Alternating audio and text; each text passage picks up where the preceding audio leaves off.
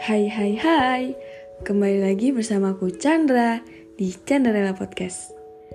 Di podcast kali ini Aku Mau ngapain ya?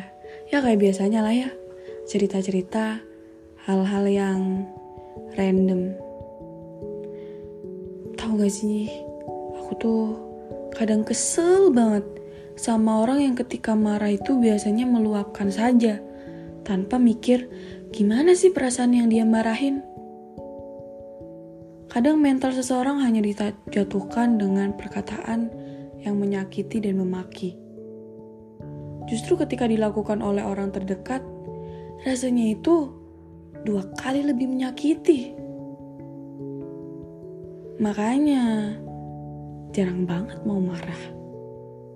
Bahkan ketika sadar saat itu lagi marah, saat itu lagi dikuasai sama emosi, langsung sadar bahwa seharusnya aku gak bersikap seperti itu.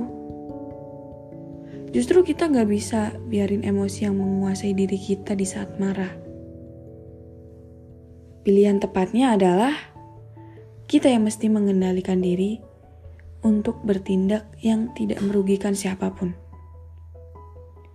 Karena penerimaan seseorang atas perkataan yang menyakiti itu tidak bisa kita tebak apakah ia mau menerima atau enggak.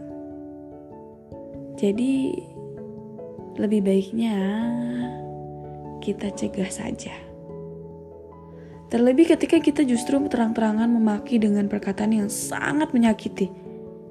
Sangat menyakiti perasaan yang dihadapi orang tersebut. Justru akan sangat membekas secara permanen.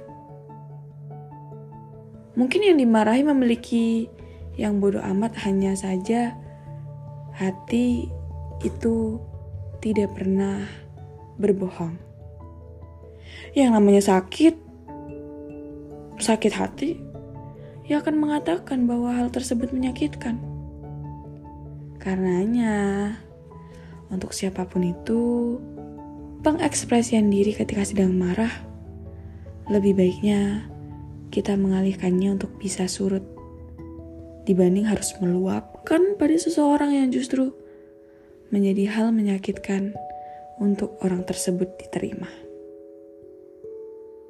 Semuanya untuk apa?